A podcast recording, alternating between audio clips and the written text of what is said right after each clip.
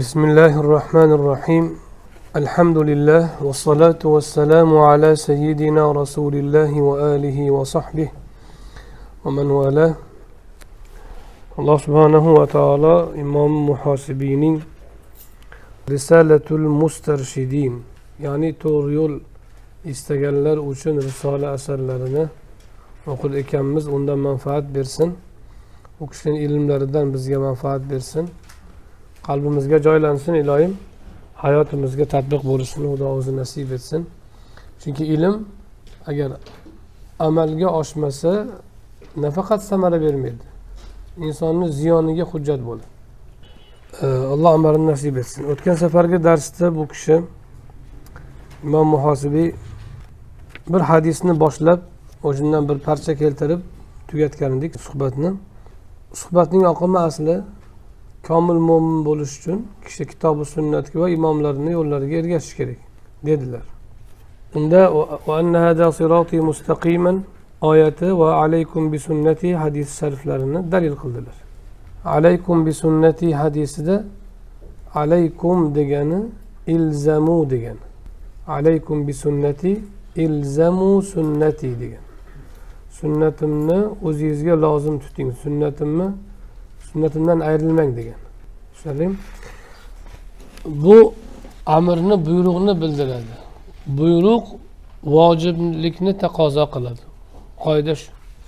Shariat nususlarida buyruq kelsa vojiblikni taqozo qiladi.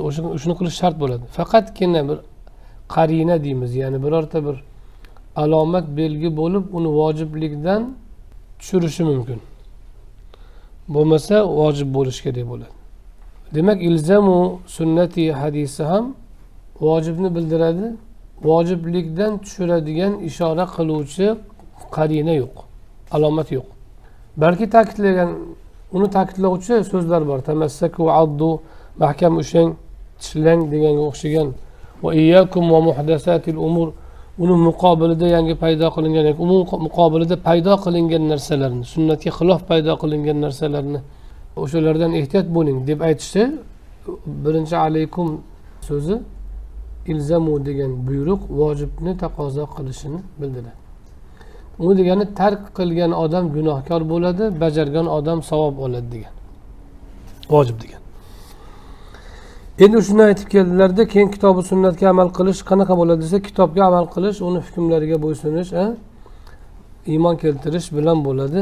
Kim shuni yaxshi bajara olsa alloh taolo uni zulmatlardan nurga chiqaradi dedilar. Keyin bu narsani ajratish uchun kishida aql fahm bo'lishi kerak ollohni tushunish kerak dedilarda keyin bu fahm va aqlga kim erishadi desa amallarini mustahkam to'g'ri qila olgan va shubhalardan o'zini saqlay olgan kishilar bunga erisha oladilar degan so'zni aytdida endi shubhalardan o'zini pok tutish lozimligini bildirish uchun al halalu bayin val haromu bayin va baynahuma umurun mushtabihat degan hadis sharifni aytib biz shu bilan so'zni tugatdik keyin o'tgan safar.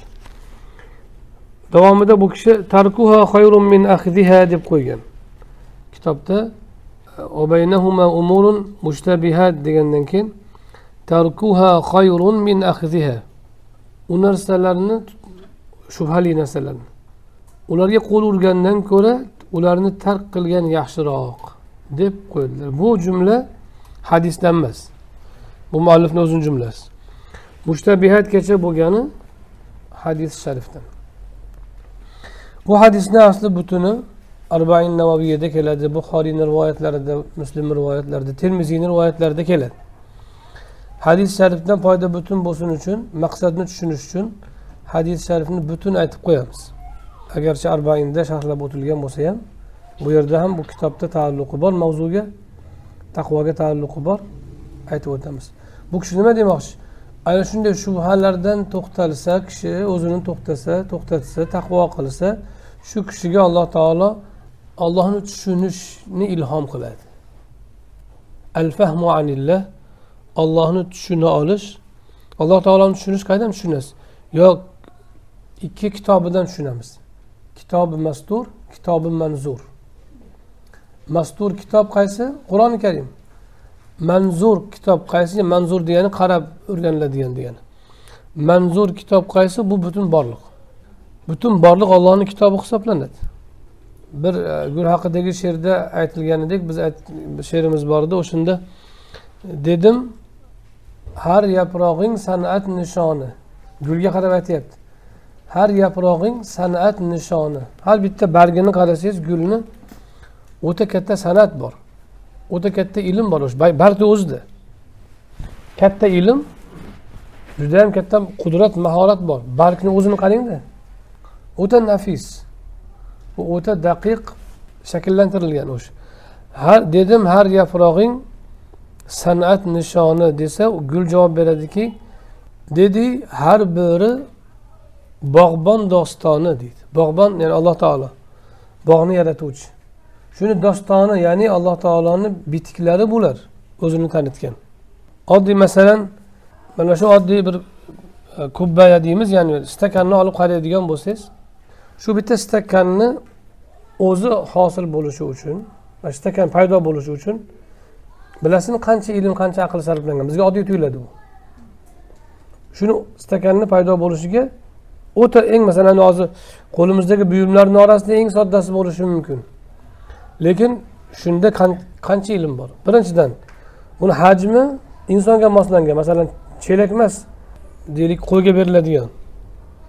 Insonga moslangan kichkina insonni hajmiga moslangan. Demak buni ishlagan odam insonni hajmini yaxshi bilgan. Shuningdek og'izga solsangiz masalan og'izni atrofidan to'kilib ketmaydi. Og'izdan bundoq olib ichsangiz labingizni burchagiga o'rnaydi atrofidan to'kilib chelakni ichib ko'ringda katta chelakni ushlab suv ichib ko'ring atrofdan to'kilib oqib ketadi. Demak buni yasayotgan odam insonni og'zini ham o'lchagan. Bunda demak insonni qo'lini ilmi bor. Qo'li qanaqa bo'ladi inson? Labi kengligi ilmi bor. Shuningdek inson odat inson oshqozonni qancha bo'lishini ham ilmi bor. Chunki agar inson masalan otga o'xshab yoki tuyaga o'xshab yoki e, katta hayvonlarga o'xshab chelak chelak ichadigan bo'lganda bu kubbaya bilan to'ydirib bo'lmardi unga katta narsa ulash kerak bo'lardi yoki katta idish qilish kerak bo'lardi insonni tana hajmi suv talab qilish miqdoriga kifoya qiladigan hajm. Piyola ham kichikroq piyola kichikroq kosa kattaroq. Shu shu ikkita mana miqdorni o'rtasida yuradi. Keyin buni qarasangiz issiq suv quysangiz yorilib ketmayapti. Demak issiq suvga sovuq suvga yaraydigan qilingan. Bunga ham ilm kerak. Bunga issiqlikni ilmi sovuq suvni ilmi kerak. Qarasangiz bu stakanda ich ko'rinib turibdi suvni. Suv ko'rinib turibdi. Shunday chiroyli ko'rinishi uchun buni shaffof qilishga ham alohida ilm ketgan. Nima qilsa shunaqa shaffof tiniq bo'ladi. Birorta dog'i yo'q. Sop ham qo'yib qo'ygan bunga masalan. Bobodagi suv quygan paytida qo'l ushlasa kuymasin uchun sop ham qo'yib qo'yilgan. Og'zi ostidan ko'ra kengroq tezroq sovushligi uchun. Masalan va hokazo. Bu bir qancha ilmlardan bitta shu eng ko'zimizga sodda ko'ringan stakan paydo bo'lishi uchun endi buni moddasi shunchalik e, erimaydigan sinmaydigan bo'lishi uchun unga yana alohida ilm ketgan. Juda kattagina yaxshigina ilm bilan hosil bo'ladi. Faqat bu zarra zarra yig'ilib oldingi eski ma'lumotlarni tepasiga yangisi yig'ilib tuzilgani uchun buni yasayotganlar uchun oddiy ko'rinishi mumkin. E bitta stakanda shuncha bo'lgandan keyin boshqa maxluqotlarni yaratilishida ham albatta ilm kerak u. Daraxtni birov o'stirayotgani yo'q u borib. Shuni olloh o'stiryapti barkini birov yasayotgani yo'q olloh chiqaryapti. Demak o'sha bargni yasayotgan zotda o'ta katta ilm bo'lishi kerak. Ana shuncha aytadiki dedim dedi har biri bog'bon dostoni demak manzur kitob bor mastur kitob bor. Satrlardagi kitob va nazar solinadigan kitob. Koinot va allohning kalomi. Ikkalasidan alloh taoloni tanib fahmlay olasiz. Shuningdek borliqdagi boshqaruvdan ham ollohni tanib olsa bo'ladi. Faqat uni ollohni tushunish uchun tanish uchun kishida qalb toza bo'lishi kerak. Shunga aytyaptilarki u e, ollohni tushunadigan kalomini o'qib ollohni tanish uchun maxluqotlarini ko'rib ollohni tushuna olish uchun kishiga taqvo kerak. Taqvoni birinchi ko'zga ko'rinadigan yeri shubhalardan o'zini saqlash. Shuning uchun al halalu bayin val harom bayin hadisini keltirdilar. Hadis sharifni nomor ibn bashirdan rivoyat qilingan.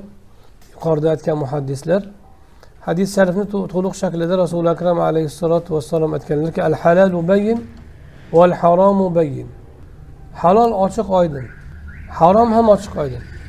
Olloh harom qilgan narsasini aytib qo'ygan. Falon ichimliklar falon yemaklar falon hayvonni go'shti aytib qo'ygan aniq qilib. Yoyinki halol harom deganda faqat tarkibidagi halol haromlik emas uni kasb qilishdagi halol haromlik ham bor. Olma ham harom bo'lishi mumkin. Agar o'g'irlab olingan bo'lsa. Suv harom bo'lishi mumkin. Bir qultum suv. Egasiga egasidan so'roqsiz olingan bo'lsa. Rozi qilmasdan olingan bo'lsa. Hattoki birorta xizmat masalan deylik birovni xizmatidan foydalanish birovni xizmatidan foydalanish u ham harom bo'lishi mumkin. Nafaqat sizga qo'lga tutadigan bir moddiy narsa balki xizmati boru. Masalan mardikorni siz majburlab ishlatyapsiz. Oyligini bermasdan yoki oyligini kam berib.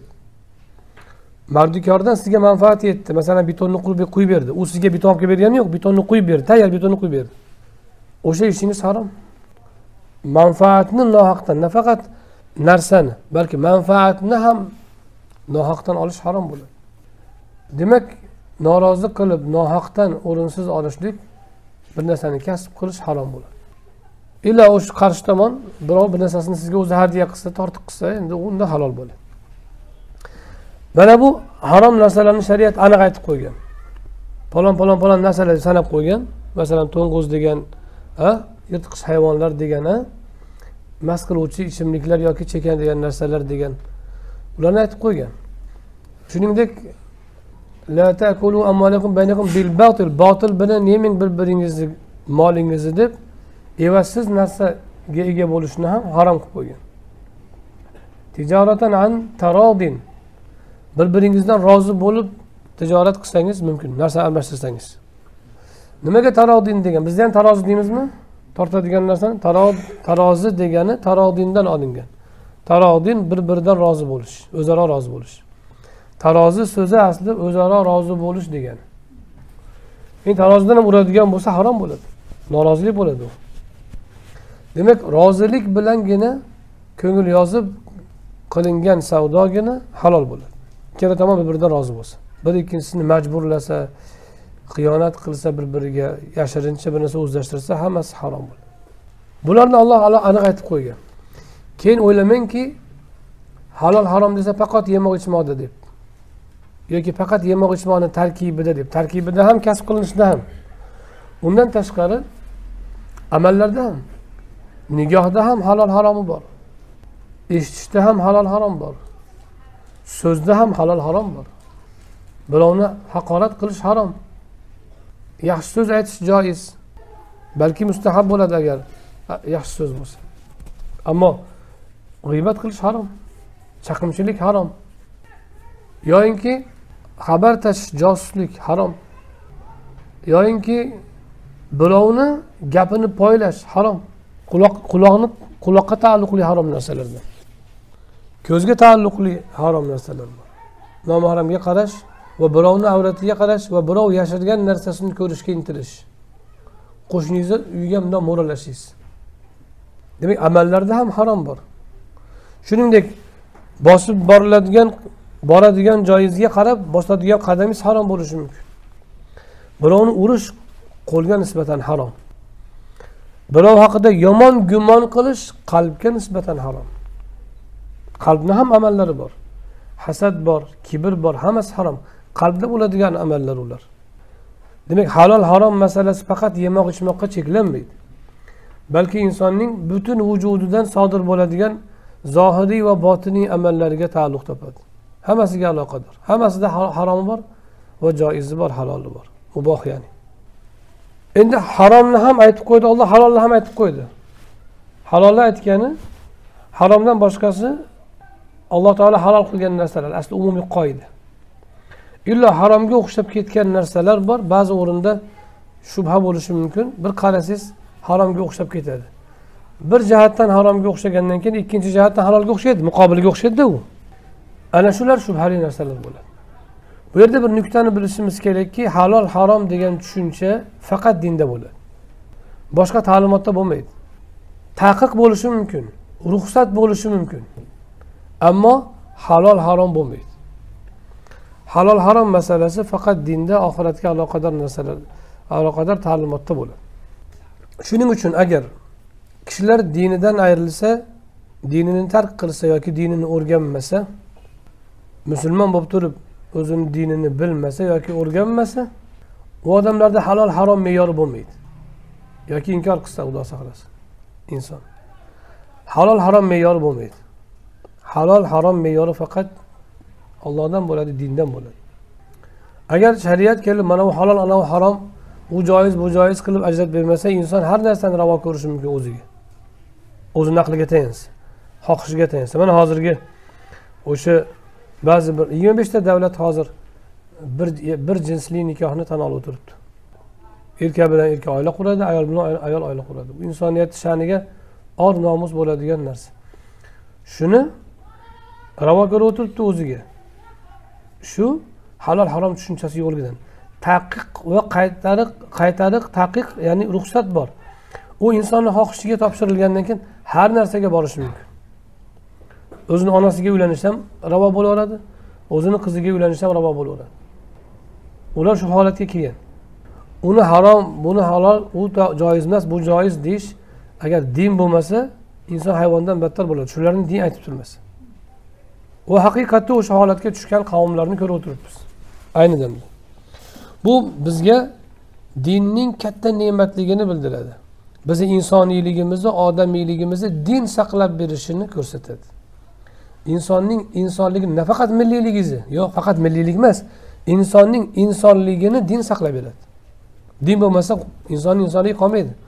O'zicha ba'zi odam aqllilik qilib inson aqli bilan topadi deydi topolmaydi. Topadi ma'lum narsalar.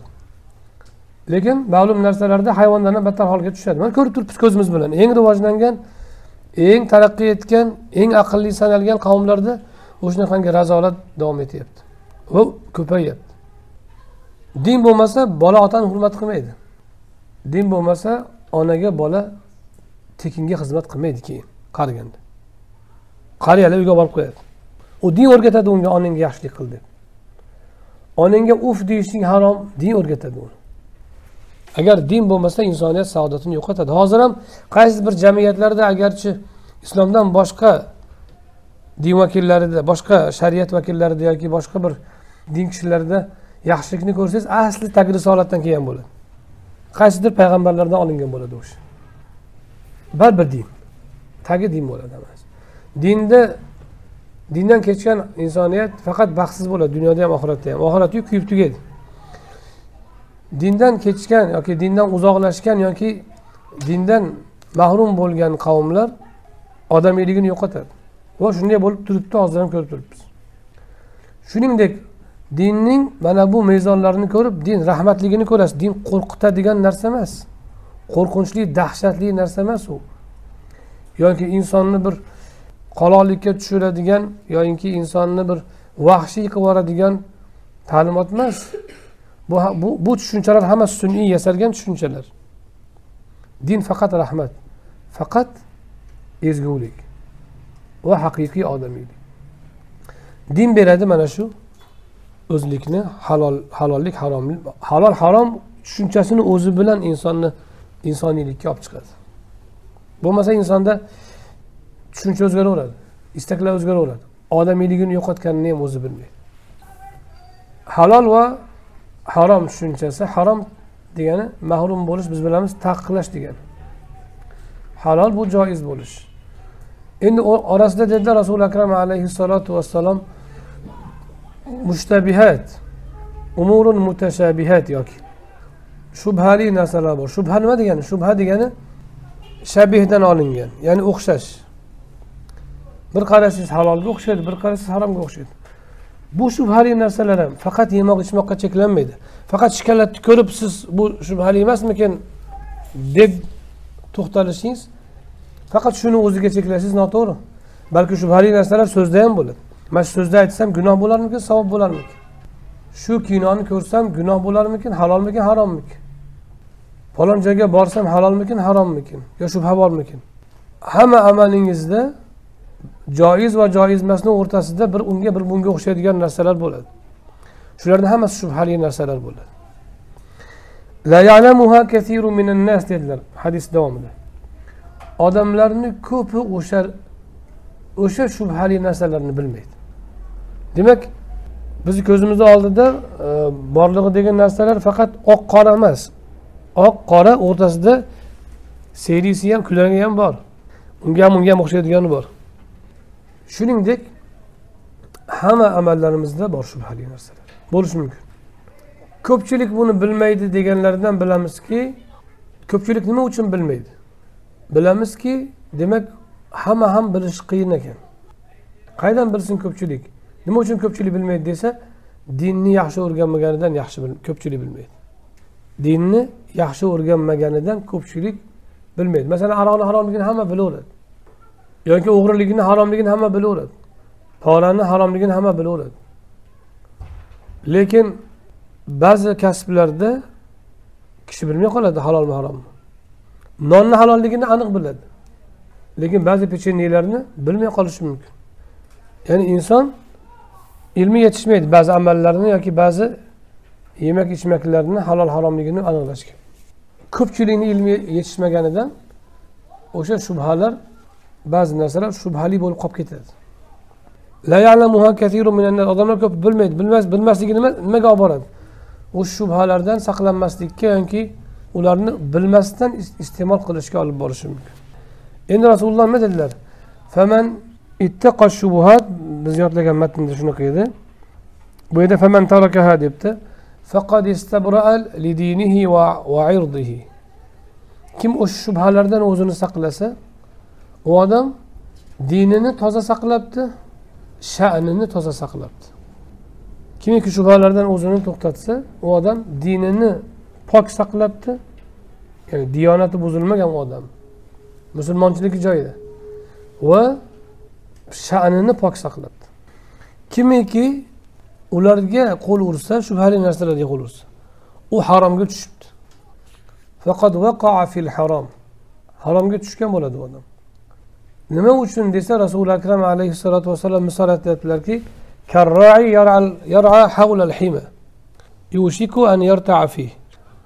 bir cho'ponga o'xshaydiki qo'ylarini birovni hududini chegarasida boqayotganga o'xshaydi. Bir hudud bor o'sha hududni nariyog'iga qo'ylar o'tishi mumkin emas. O'sha qirg'og'ida qo'ylarni boqib yurgan odamga o'xshaydi shubhada yurgan odam. Shubhalarga qo'l urib yurgan odam. Iloji yo'q u bir qadam bosib o'sha taqirlangan o'tdan yeb qo'yadi haligi qo'y. O'sha chegaradan uzoqroq tutsa u odamni qo'yi ancha muncha bir qadam u yoqqa borib kelsa ham boshqani o'tiga tajovuz qilmasdan to'g'ri o'tlab qaytib keladi. Bunga yana misol aytdilarki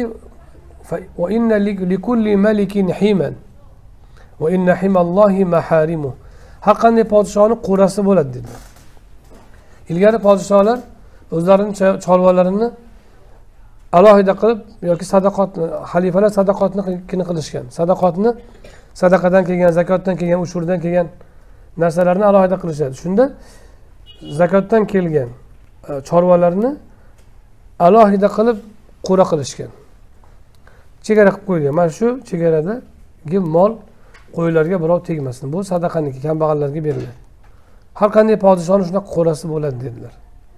Alloh taoloni ham qo'rasi bor. Qo'riqlaydigan hududi bor. O'sha hududlari maharimu. Maharimu. Olloh harom qilgan narsalar ollohni hududlari o'sha. Unga yaqin yurgan odam albatta o'shanga yo'liqadi bir kun. O'shanga yaqin yurish xuddiki taqiqlangan o'tlovni yonida chorvasini baqish bilan bir xil. U albatta o'sha o'tlovga tushadida taqiqqa qo'l uradi. Payg'ambarimiz alayhissalotu vassalom odatda shu mavhum tushunchalarni ya'ni inson tasavvur qiladigan narsalarni ma'naviy tushunchalarni moddiy hissiy misollar bilan yaqinlashtirib berganlar. Bu xuddi shunaqa misollardan. Demak biz shubhalardan saqlansak shunda haromdan saqlana olamiz. Shuning uchun aytiladiki makruh haromga olib tushadi. Muboh narsada keragidan ortig'idan zaruratdan orttirish makruhga olib boradi. Shuning uchun halol narsada muboh narsada zarurat bilan cheklanish kerak. Shunda kishi makruhdan xoli bo'ladi makruhdan xoli odam albatta haromdan xoli bo'ladi. Endi kimiki o'sha o'shanday qilmasa albatta makruhga makruhdan keyin albatta haromga tushadi keyin rasuli akram alayhissalotu vassalom bu hadisni oxirida imom buxoriy muslim rivoyatlarida bir qo'shimcha qildilar aytdilarki ala inna fil jasadi mudg'atan bilingki tanada bir parcha go'sht bor mudg'a degani tishlam go'sht degan إذا صلحت صلح الجسد كله وإذا فسدت فسد الجسد كله ala vahiyal qalb. Bir tishlan go'sht bor. Agar o'sha go'sht solih bo'lsa butun tana solih bo'ladi. Salohiyatli bo'ladi.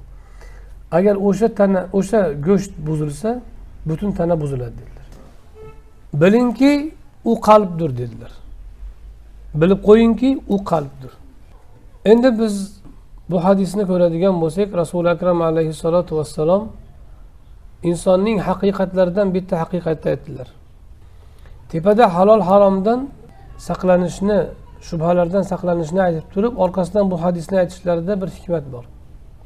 U ham bo'lsa o'sha shubhalardan saqlangan odamni qalbi saqlanadi degan yoyinki qalbi saqlangan odam qalbi solih odamgina amallari solih bo'ladi.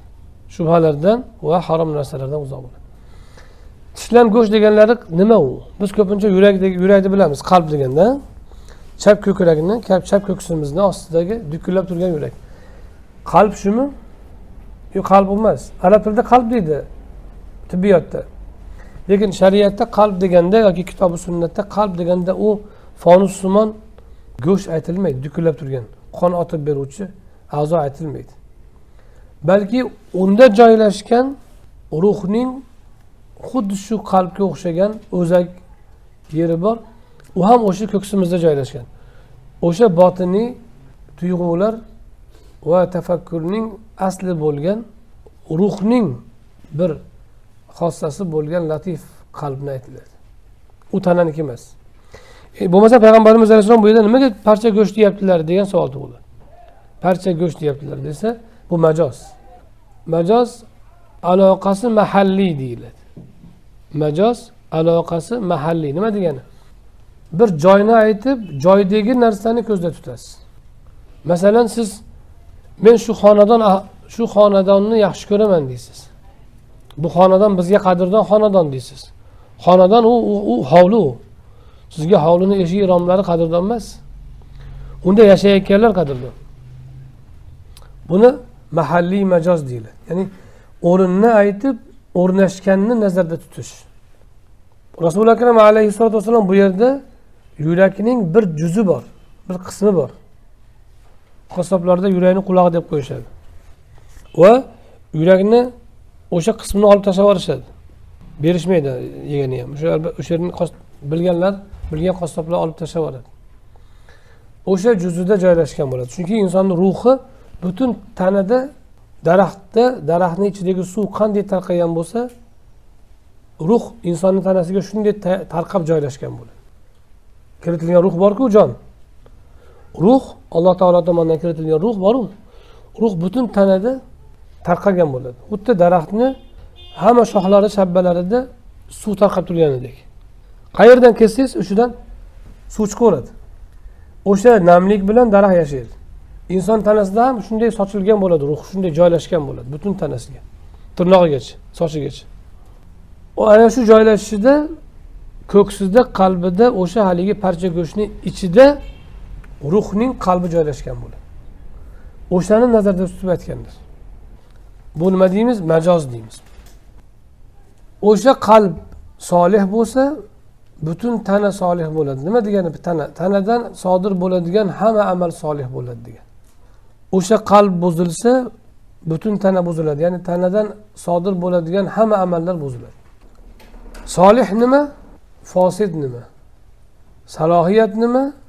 Fasod nima? Isloh nima? Ifsod nima?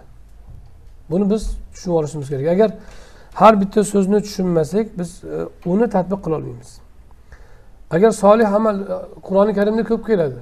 Iymon keltirgan va solih amal qilganlar. To'g'rimi? Eng ko'p ishlatiladigan so'zlardan solih amal. Bu odam solihlardan deb qo'yamiz. Attahiyatda ham va ala ibadillahi solihin assalomu alayna. O'zimizga ollohni salomi bo'lsin omonlik bo'lsin. Va barcha allohning barcha solih bandalariga ham deb qo'yamiz. O'sha solihlik nima u? Salohiyat solihlik me'yori nima? Bilmasak agar yigirma yil islohot deyaveramiz ammo o'zimizni isloh qilolmaymiz yoki biror narsani isloh qilolmaymiz yoki biror sohani isloh qilolmaymiz oldin isloh nimaligini bilish kerak. Uning uchun oldin salohiyat nimaligini bilish kerak. Dunyoda nimaiki vujudga kelgan bo'lsa yaratilishidan ko'zlangan maqsad bo'ladi.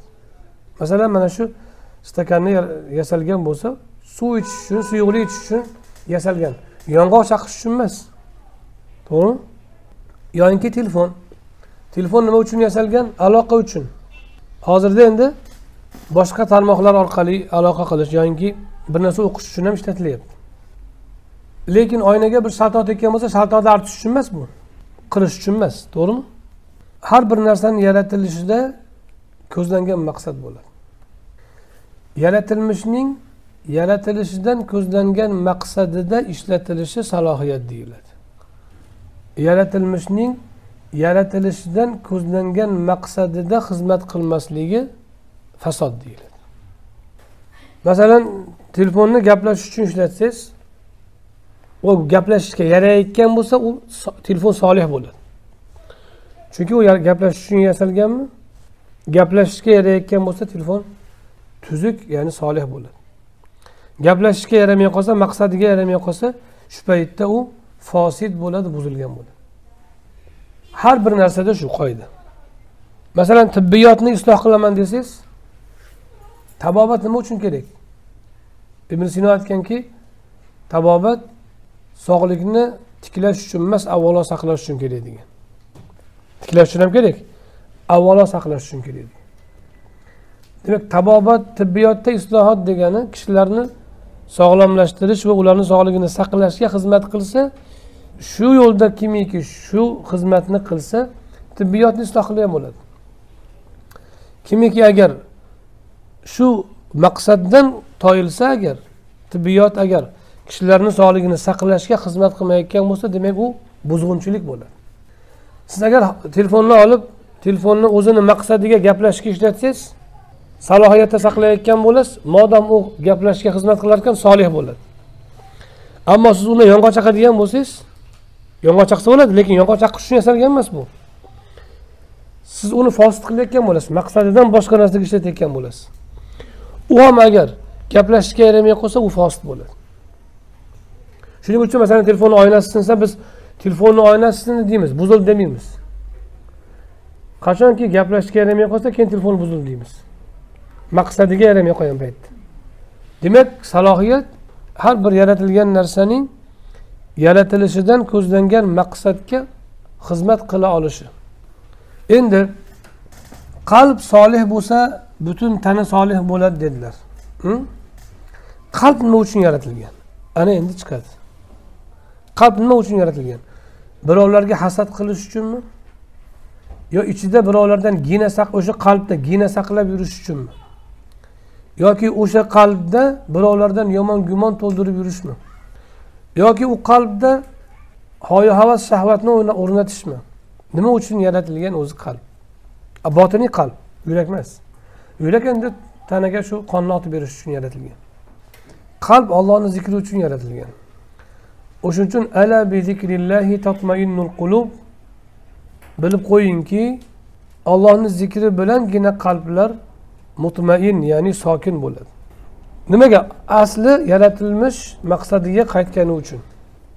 Qalb solih bo'lsa butun tana solih bo'ladi degani butun tanadan ko'zingizdan ko'zingizni yaratilishidan ko'zlangan maqsadga muvofiq nigohlar sodir bo'ladi. Tilingizdan tilingizni yaratilishidan iroda qilingan ma'nolar yoki so'zlar sodir bo'ladi. Qo'lingizdan qulog'ingizdan hayolingizdan aqlingizdan fikringizdan hammasidan o'shalarni yaratilishidan ko'zlangan maqsad maqsadga muvofiq amallar sodir bo'ladi. Shu kishini amallari solih deyiladi. Solih amal deganda faqat namoz niyozni o'ylamang. Har bir a'zodan sodir bo'ladigan amallarni solihi bor fosidi bor. Agar yaratilishidan ko'zlangan maqsadga muvofiq o'shanga xizmat qiluvchi amal bo'lsa solih amal. Unga qarshi amal bo'lsa fosid amal. Qarshi emasu ammo xizmat ham qilmaydigan bo'lsa maqsadga. Ular bekorchi amal bo'ladi. Ammo solih amallar yaratilishidan ko'zlangan maqsadga xizmat qiluvchi amallar bo'ladi. Til nima uchun berilgan? Allohni zikri uchun berilgan. O'zi insondagi insondagi hamma imkoniyat qo'l oyoq ko'z aql ruh mol davlat mansab aql moddiy imkoniyat ma'naviy imkoniyat hammasi insonga asli jannatni egallash uchun jannatni yuqori martabasini olish uchun berilgan. Hammasi jannatga jannatdan joy olish vositalar. Shunga berilgan asli.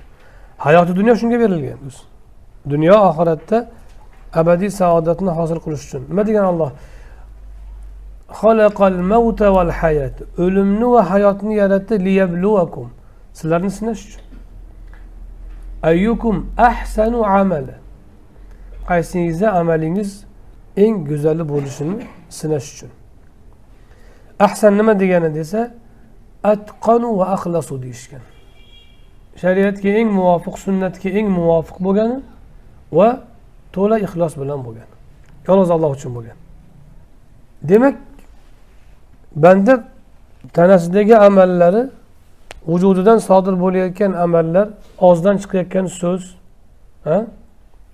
qo'lidan sodir bo'layotgan ish ko'zdan sodir bo'layotgan amallar solih bo'lishi uchun uni qalbi toza bo'lishi kerak qalbi solih bo'lishi kerak. Biz bundan nimani bilamiz? Gunohni qilib turib o'zi qalbim toza deydiganlar. Istagan ishni qilib turib meni ko'nglim toza meni mana joyim toza islom mana joyda bo'ladi musulmonchilik mana joyda bo'ladi deb ko'kragiga urayotgan ammo amalda u islomni tutmayotganlar o'zini o'zi aldayotgan notavonlarligini bilamiz. Qalb solih bo'lsa qalb podshoh bo'ladi. Butun tana unga askar. Podshoh nima buyruq bersa tana shuni qiladi. Ruhiyatshunos olimlarni aytishicha inson xatti harakatlarini yigirma foizini aql bilan qiladi sakson foizini hissiyot bilan qiladi qalbni buyrug'i bilan qiladi. Aqlni ham asli manbasi o'zi qalb bo'ladi. Qalbdagi quvvatlardan demak biz qalbimiz sof solih bo'lsa amalimiz solih. Shuningdek amalni solihligi qalbga ham ta'sir qiladi. Gunoh qilsangiz qalbingizga dog' tushadi. Bir biriga bog'liq. Payg'ambarimiz nima dedilar? Bir kishi bir gunoh qilsa qalbiga bitta dog' tushadi dedilar. Darrov tavba qilib yuvorsa yuvilib ketadi yana oynada oppoq turadi. Agar qo'yib bersa ikkinchi amali gunohidan ikkinchi dog' tushadi.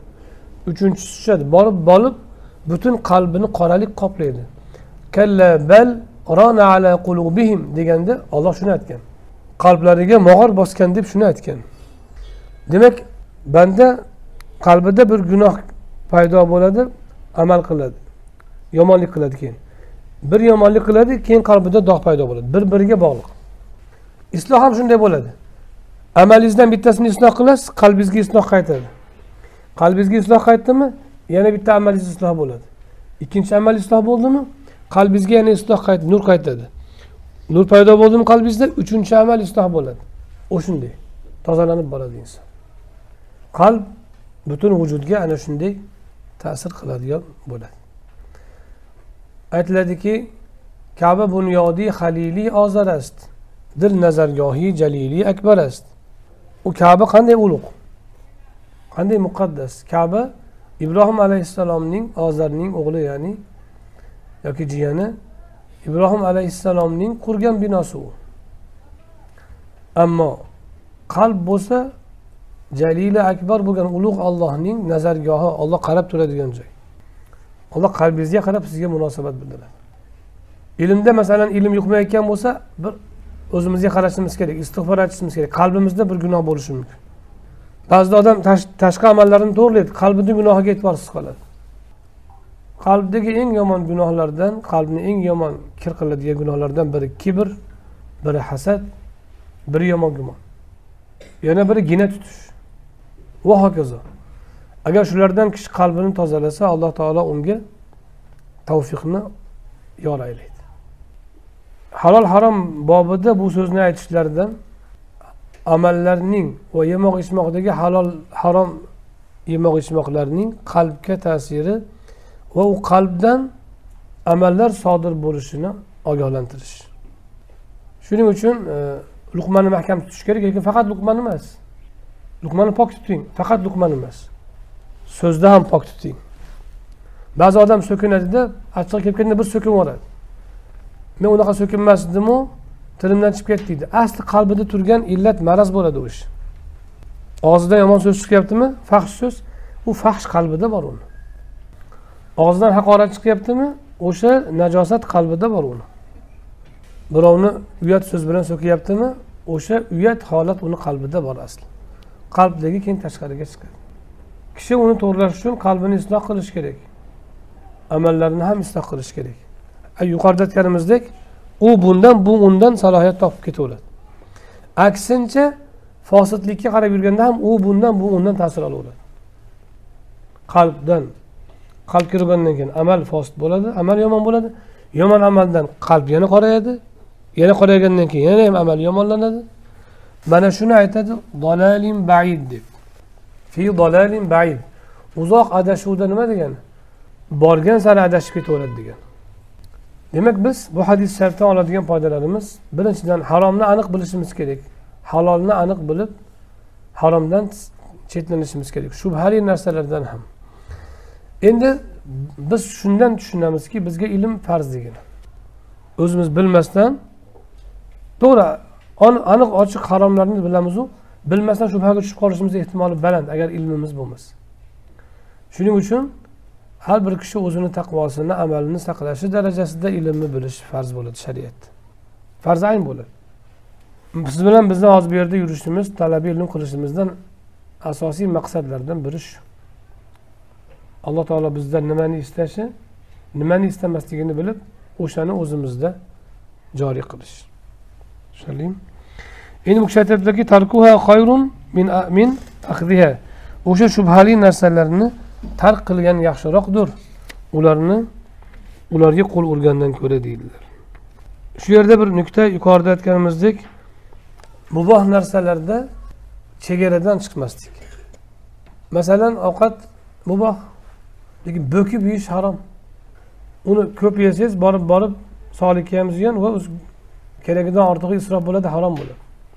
Shu bilan birga bu kishini ochko'zlikka olib keladi. Ochko'zlik borib borib o'sha ko'p iste'molga ko'p pul topishni taqozo qiladi ko'p pul topish uchun keyin kishi yolg'on gapiradi haromga qo'l uradi va hokazo qiladi. O'shaning uchun yemoqda ichmoqda kiymoqda turmoqda minmoqda o'ziga keragi bilan cheklangan odam halolni yaxshi ushlagan bo'ladi. Shubhalardan oson qutuladi. Zaruratidan keragidan ortig'iga kishi ruju qo'ysa o'sha kishi shubhalarga tushishi tayin shubhaga tushgan odam makruhga va haromga yetib boradi.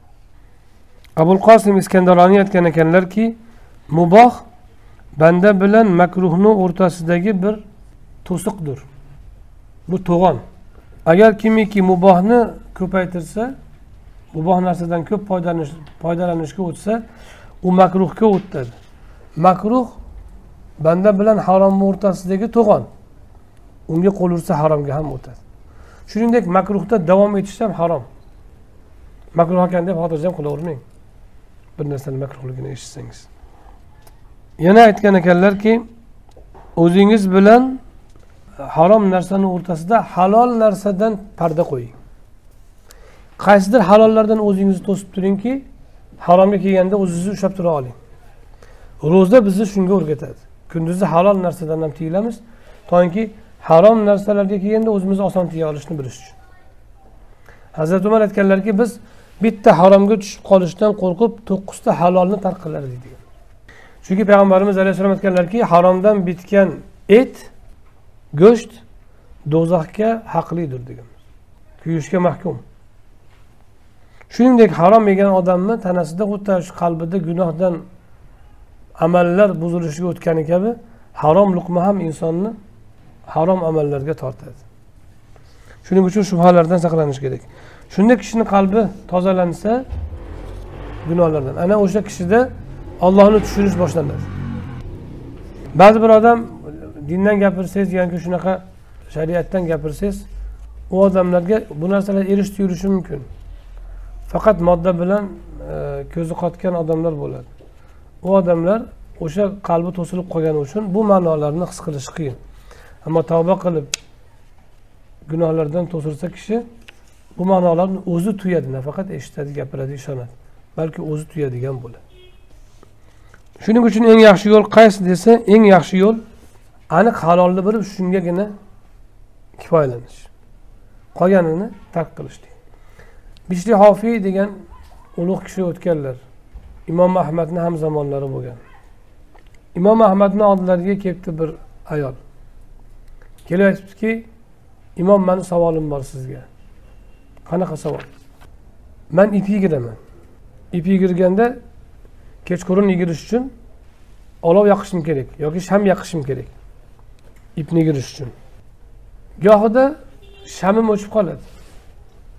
Lekin baxtimga kechqurunda podshoh o'tib qoladi gohida.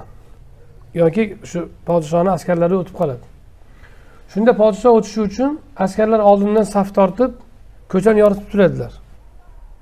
Tomga chiqib o'sha yorug'likdan foydalanib qolib ketgan ipimni yigirib olsam bo'ladimi deb so'rabdi. Askarlarni chirog'ini yorug'idan o'tini olovini yorug'idan foydalanib o'zimni shamim o'chgan paytda. Ular hamon o't ushlab turibdi men u yerda undan foydalanamanmi foydalanmaymanmi u hamon o'sha tomni yoritib turgan narsa u lekin shu paytda men tomga chiqib turib yoki chorasini olib o'sha nurga ipimni olib kelib to'qib olsam bo'ladimi yigirib olsam bo'ladimi deganda imom ahmad aytgan ekanlarki sen kimsan? degan ekanlar bishri hofiyni singlisiman degan ekan. Desa sizlarga bo'lmaydi degan ekan. Sizlarga bo'lmaydi. Joiz taqvoni ko'ryapsizmi? Birovni haqqidan shu qadar qo'rqishgan. Ana shu haqiqiy islom bo'ladi. Birovni haqqidan shu qadar qo'rqish. Taqvo shunda ko'rinadi. Ammo dinni yomonlaganlar birovni soyasi emas birovni jonidan ham tap tortmasdan birovni o'ldirib ham molini olishaveradi. Ko'ryapsizmi? Din insonni naqadar poklikka naqadar ulug'likka naqadar odamiylikka olib keladi? Savolni qarang. Ko'chada o'tib ketayotgan askarlarni gulxanini yorug'ini so'ramasdan ishlatayotganini so'rayapti shu joizmi? deb. Imom ahmad ham joiz emas deyaptilar. Biz bundan birovni haqqidan naqadar qo'rqishimiz lozimligini bilib olamiz. Taqvo shunda ko'rinadi. U baqirib gapirish e, taqvodan gap sotish sunnatga amal qilyapman deb boshqalarni boshqalarga tanbeh berish yoinki men halol odamman birovni haqqini yemayman deb davo qilish oson. Ammo mana bunaqa o'rinda ko'rinadi kishini taqvosi. Keyin aytdilarki fafhas anin niyya. Niyatni o'rgan. Fahaso deb bilasizlar tashxis qo'yish uchun tahlil qilishni aytadi. Bu narsani hozir mana doktorga borsangiz doktor tibbiy ko'rik o'tkazsa shuni fahs deydi. Bir narsani o'rganish e, tadqiq qilish uchun o'rganishni fahs deyiladi. Fafhas anin niyya. Va iroda فإن المجازاة بالنية. نيتنا يخش تفتيش قل ونماني نماني استيك نبل. قلبين دا أصلي استيك نما شن طب. الله شن قل يب من دب إچين باسقا نسان ولا وطريان بمجن. بلغين كي مكافات يا إنكي جزا نيت يقرب بولد. رسول الله صلى الله عليه وسلم اتلر كي إنما الأعمال بالنيات amallar faqat niyatlarga bog'liq. Har kimga niyat qilgani bo'ladi dedilar.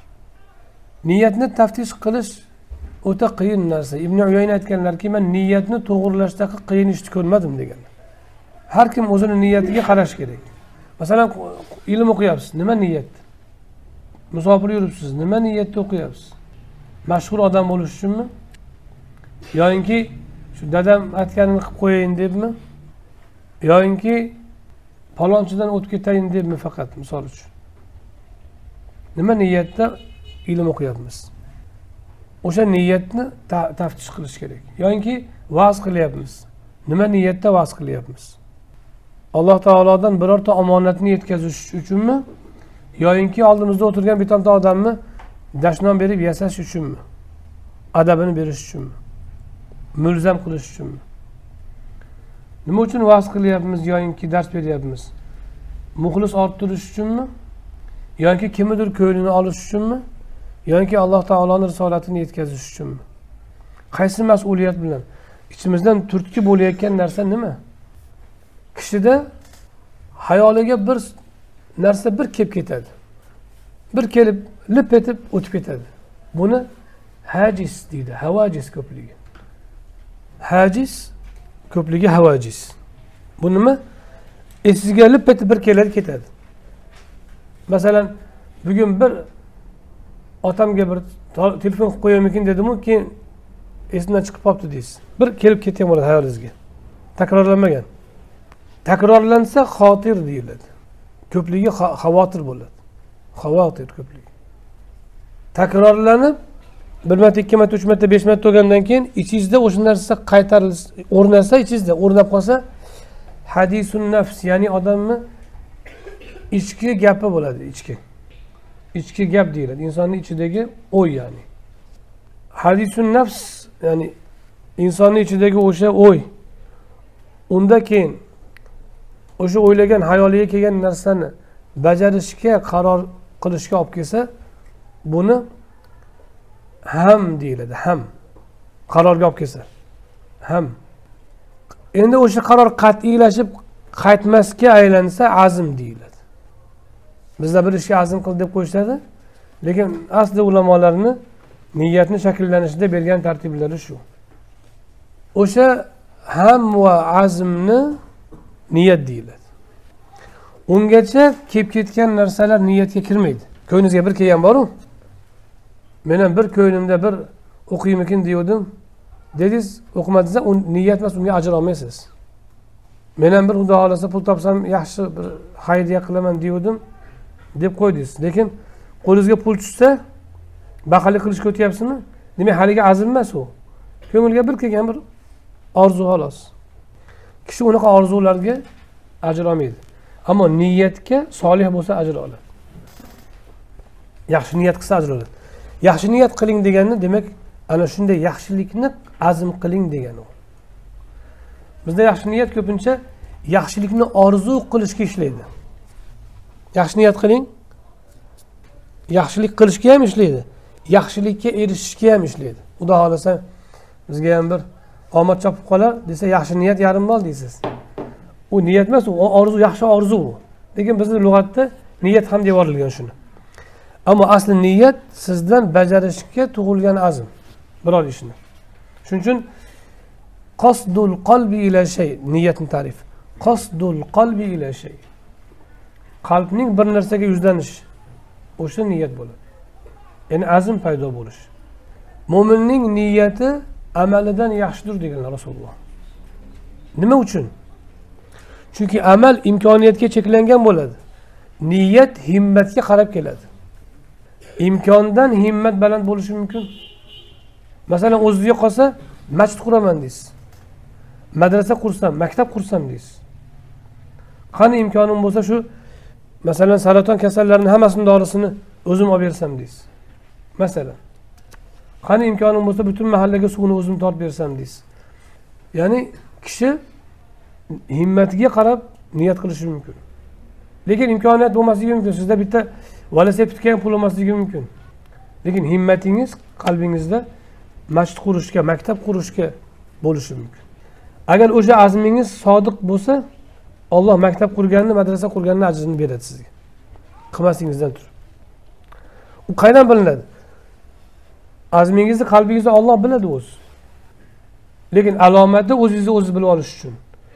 Qo'lingizga bir yaxshi mol tushsa undan keyin o'sha yo'lga o'ylanmasdan sarflasangiz demak azmingiz to'g'ri to'g'ri bo'ladi. Masjid qurish qurmoqchisiz. Savob amalga masjidga bitta qish bo'lsa ham olib bering bor imkoningizni sarflab demak siz butun boshli masjid qurishga bo'lgan ishtiyoqingiz to'g'ri. Azmingiz sodiq bo'lishi mumkin. Ammo lekin maktab qursam deyman o'zimga qolsa desangiz u keyin talabalarga bir qalam olib bering desa baxilligi tutadigan bo'lsa u niyat yolg'on bo'ladi. Inobatga o'tmaydi. Demak amal imkondan kelib chiqadi. Niyat himmatdan kelib chiqadi. Himmati balandni niyati baland bo'ladi o'shanga olloh beradi. Shuning uchun rasuli akram alayhissalotu vassalom bir safar g'azotdan kelganlarida aytdilarki biz shuncha jonimizni xatarga qo'yib molimizni sarflab g'azot qilib keldik dushman bilan jang qilib. Shu madinadan chiqmasdan uyida yotgan kishilar bor ajrda sizlar bilan teng dedilar. Ularni uzr ushlab qolgan dedilar. Dalili nima ularni niyat sodiqligi ularni o'zi masalan oyog'i cho'loq masalan bemor o'ziga qolsa chiqardi o'sha jangga. Demak o'sha niyati bilan uyda yotib turib jang qilib kelgan odamlar bilan teppa teng ajr olishi mumkin. Aksincha niyat sodiq bo'lmasachi jangga chiqib qaytib kelib zarracha ajrsiz balki gunohga botib qaytib kelishi mumkin. O'zini bahodir ko'rsatish uchun jang qilsa masalan gunohga botib qaytib keladi.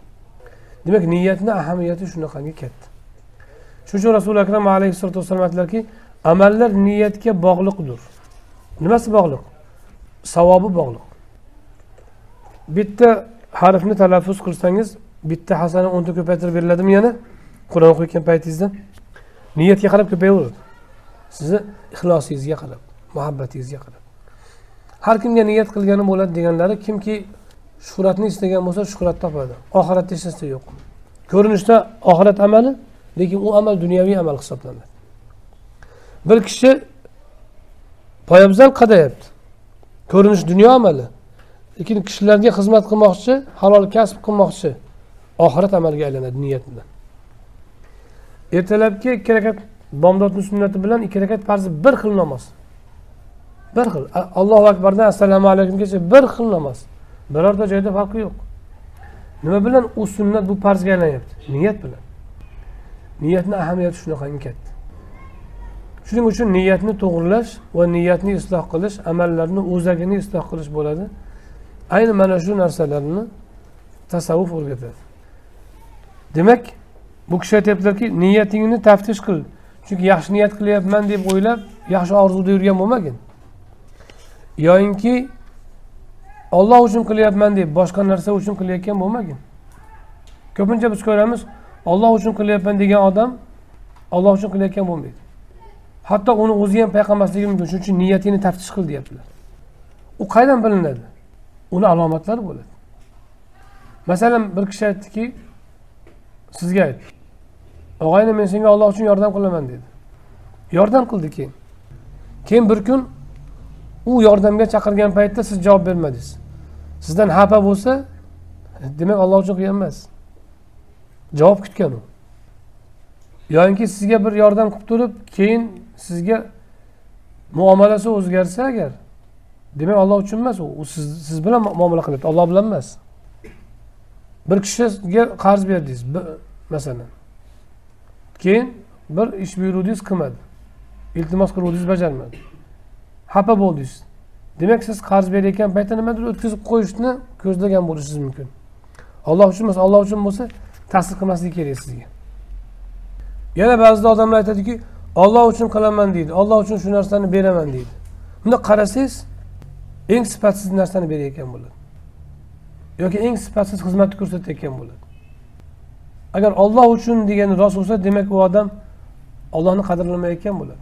Masalan biz unga siz aytasizki bir poyabzalni berib mana shuni zo'r qilib tikib bering masalan terini berib shuni zo'r qilib tikib bering nechi pul desangiz beraman dedingiz desangiz u odam qilib berdi masalan yoki uyingizda bir xizmatni aytdingiz yo bir ishni aytdingiz falon ishni qilib bering yoki masalan o'qituvchilikni aytyapsiz o'qituvchilik qilib bering mana masalan bolamni o'qitib bering dedingiz ming dollar beraman dedingiz yotib olib ishlaydi yaxshi pul bersangiz endi keyin o'sha odamga misol uchun o'sha odam kelib aytishi mumkinki olloh uchun qilaman qilib beraman shu ishni deyishi mumkin. Olloh uchun o'qib beraman deyishi mumkin. Buni qarasangiz tez charchab qolayotgan bo'ladi. Birpasda asabiylashayotgan bo'ladi haligi ishdan. Yoinki sifatsiz qilayotgan bo'ladi. Bilingki u odamni nazdida alloh taoloning ming dollarcha qadri yo'q. Chunki ming dollarga qilganchalik qilmayapti. Agar bo'lganda edi u bor kuchini sarflardi. U millionga ham tenglamasdi u. shuning uchun men gohida aytamanki birov olloh uchun desa qo'ying tahsil pul uchun qilavering deyman. Olloh uchun qilaman deb eng sifatsiz narsani qilib ketasizlar keyin deyman bu ollohni qadrsizlash bu. U odam ollohu akbar deb tilida aytgani bilan qalbida pul akbar. O'shaning uchun ixlos ahllari niyati sof odamlar ixlosni davo qilolmaydi chunki qo'rqamizki ixlos qilyapman deb oraga bir narsa aralashib qolishi mumkin ixlos o'zimiz payqamay qolgan bo'lishimiz mumkin. Shuning uchun shuningdek ixlos olloh uchun qilishmi? Ixlos riyoni qabul qilmaydi u riyo aksi bo'ladi. Olloh uchun qilyapman deb davo qilsangiz ixlosni riyo qilayotgan bo'lib qolishingiz mumkin. U amalni riyo qilishdan yomon chunki amalni riyo qilish zohiriy amalni riyo qilish bo'lishi mumkin saxovatni riyo qilish masalan. Ammo ixlosni riyo qilish u qalb amalini riyoga aylantirish. U undan ham xatarli narsa. Bu. Tushundingizmi? Illo kimiki ta'kidlash uchun qalbidagi niyatni ta'kidlash uchun yoki jo'shib ketib o'ziga sig'masdan bexosdan olloh uchun deb aytib yuborsa davo emas niyatni izhor qilsa u joiz. Ammo davo qilsa u kishini ixlosi noqis bo'ladi yoki yo'q bo'ladi. Hech kim davo qilolmaydi imom robboniy shuning uchun aytganlarki ixlosda o'zingni tinimsiz ittihom qilgin deganlar. Ixlos bilan amal qil. Lekin o'zingga o'zing ixlosni bajarolmayapsan deb tur. Ammo bir ishni qilib turib ixlos bilan qilsa shunaqa yaxshi bo'ladida mana. Demagin o'zingni ixlosli qilib ixlos bilan qilganman deb o'ylamagin. Ba'zi odam bo'ladi bir ishni qiladida olloh uchun qilsangiz o'xshaydida ixlos bilan qilsangiz deb ixlos bilan qildimman deb davo qiladi. U yaxshi gumon qilishi mumkin o'zidan. Lekin qo'rqish kerakki ixlos bilan bo'lmagan bo'lishi mumkin. Ixlosni davo qilish qiyin narsa. Qilib bo'lmaydi. Ixlosni umid qilinadi. Ixlosni qilishga uriniladi. Olloh uchun qilishga niyatni to'g'irlashga ammo uni davosini qilish o'ta qiyin narsa. Shuning uchun niyatingni taftish qil degan har kim o'zini niyatini taftish qilsin. Nima uchun? Bir amal qilyapti. Hindiston ulamolaridan bittalari aytadilarki man bolalarimni nevaralarimni juda yaxshi ko'raman deydi. Uyga kirsam doim qo'limda qand qurs bu narsa olib olaman nevaralarim yugurib kelib menga o'zini otadi. Men ham ularni bag'rimni ochib kutib olaman quchoqlab o'pib hali qo'limdagi qand qurslarni berib ularni xursand bo'lganidan quvonib uyga kirib bir hordig'im chiqadi. Lekin shunda deydi nevaralarim yugurib kelayotsa o'zimga o'zim niyatimni hozirlayman. Darvoza darvozadan kirishdan oldin. Hozir kirsam nevaralarim yugurib keladimi? Oldin o'zimni hozirlayman qalbimni. Shundayki rasuli akram alayhissalotu vassalom bolajon bo'lgan ekanlar bolalarni yaxshi ko'rish rahmatdan degan ekanlar ajabmas menga ham alloh rahmatini ravo ko'rsin. Deb turib kelaman keyin bolalarim otilib keladi. Ularni quchoqlab o'paman qandlarni beraman. Ham ular xursand bo'ladi ham o'zim hordiq olaman ham ajr olaman. O'shuning uchun har bir amalda niyatni taftish qilish uni doimo to'g'irlab borish kerak. Shunda kishi kichkina amallardan ham katta ajr oladi va dunyodagi dunyoviy amallardan ham ajr olib boradi. Ana shu odamni martabasi keyin baland bo'lib boradi. Shuning uchun rasuli akram alayhissalotu vassalom amallar niyatga bog'liqdir. Har kimga niyat qilgani bo'ladi. Nimani niyat qilsa o'sha bo'ladi. Shuning uchun niyatni go'zal himmatni oliy qilish kerak. Alloh taolo o'shanga yarasha ato qiladi. Shunday deb tugatdilar. Niyatni bir qancha e, fiqhiy hukmlari ham bor. Endi u bizni kitobimizni mavzusidan tashqari. Islomni madori bo'lgan hadislardan bu hadis islomni deyarli hamma ahkomiga kirib chiqadi bu hadis. Aksar amallarda bu hadis sharif o'zini ta'sirini ko'rsatadi. O'shaning uchun islomni madori bo'lgan to'rtta hadis ya'ni islom aylan islom ahkomlari atrofida aylanadigan to'rtta eng E, buyuk hadislarni bittasi bo'ladi. Bizda fiqhiy qoidalarda la savaba illa bin niya niyatsiz savob yo'q deb ham qoida kiritib qo'yishgan. Niyat bilan savob hosil bo'ladi niyat bilan alloh taolo bandaga ajr beradi amal qilolmasa ham. Arbainda kelgan hadisda bir kishi bir yaxshilikka azmu qaror qilsayu qilolmasa bitta bitta yaxshilik yoziladi. Bajarsa o'nta yoziladi deyilgan. Ammo bir yomonlikni qasd qilsayu qilolmasa yozilmaydi. Ammo qilsa bitta yoziladi. Lekin yomon tomoni shuki daftarga yozilmaydi qalbga dog' tushadi. Bir yomonlik qilsangiz yomonlikni niyat qilsangiz. Yomonlik palonchini xudo xohlasa uraman pistonchini so'kib o'qilaman. Palonchini ham men ham uni e, menga ozor berdi men ham ozor beraman deb yomonlik niyat qilsangiz yoki palon joydan piston narsani simiraman o'manaman deb misol uchun. Niyatni o'zida qalbingizga dog' tushadi. To'g'ri daftarga yozilmaydi ammo qalbingizga dog' tushadi o'shani o'zida. Shuning uchun niyatni doim pok va xayrli tutish kerak. Hazrat navoiy aytgandek o'zi poku so'zi poku ko'zi pok bo'lishi kerak. Kishini nigohi pok bo'lsin so'zi pok bo'lsin o'zi pok bo'lsin. Ana shu kishi haqiqiy musulmon bo'ladi. Tushunarlimi? سبحان ربك رب العزة عما يصفون وسلام على المرسلين والحمد لله رب العالمين.